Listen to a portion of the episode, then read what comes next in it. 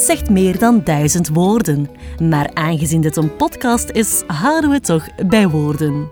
De inspiratie hiervoor ligt wel in de wonderenwereld van de beeldende kunst. Kunst spreekt, prikkelt, provoceert en doet ideeën, emoties of herinneringen ontspringen.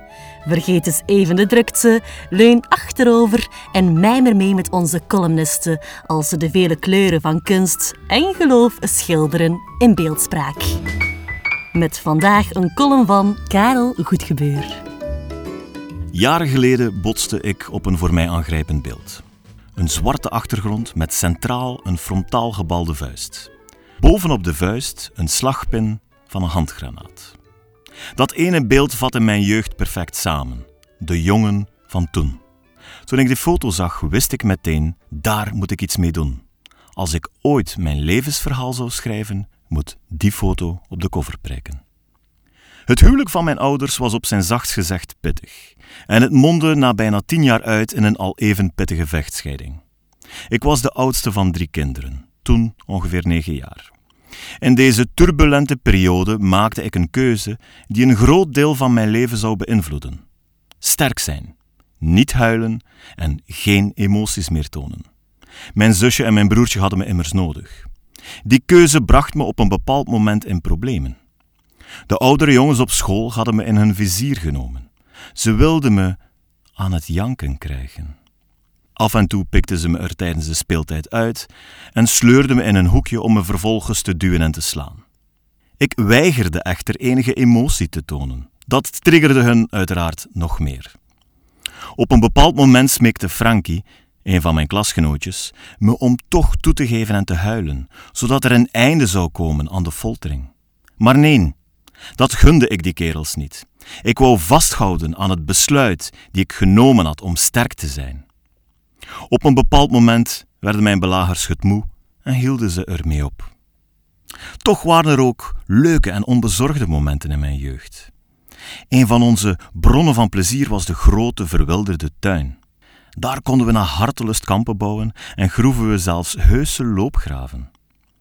Ik maakte valkuilen die ik dan afdekte met dunne bamboestokjes die ik uit onze schutting trok, en ik werkte het geheel af met de graszoden die ik had uitgespit. Mijn zus was meestal het slachtoffer van die valkuilen. Rond mijn vijftiende begon ik steeds intenser te sporten. Hardlopen, gewichtheffen, kick- en thai-boksen.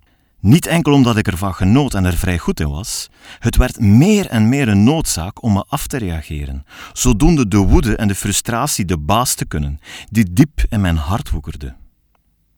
Meermaals werd ik van dopinggebruik beticht, omdat de dingen die ik op sportgebied deed volgens sommigen niet kon zonder doping. Wisten zij veel dat razernij mijn doping was. Veel mensen hebben ook nooit geweten hoe ik me voelde. De zeldzame keren dat ik mijn controle verloor, liepen bijna falikant af. Voor de andere partij dan. God zij dank dat er telkens toevallig iets gebeurde om een drama af te wenden. Op een dag zat ik in de bioscoop. American History X speelde. Het hoofdpersonage was een nazi-skinhead die in de cel moest voor dubbele moord. In de gevangenis werd hij echter gebroken. Hij kwam tot inkeer. Toen hij zijn straf had uitgezeten, ontdekte hij dat zijn jongere broer helemaal in de skinheadwereld was opgegaan. In een poging om zijn broer uit te leggen waarom gij niets meer met dat wereldje te maken wou hebben, sprak hij de volgende woorden uit, en ik parafraseer. Ik heb ontdekt dat ik het beu ben om constant kwaad te zijn. En plots snapte ik het, ik ook. Ook ik was het beu om al die boosheid mee te zeulen. God had als het ware het licht aangestoken. Het was het begin van een transformatie. De impact bleef niet lang uit. Een paar weken na dat moment stelde ik vast dat mijn drive om intensief, haast destructief te sporten verdwenen was. De frustratie en de woede was weg.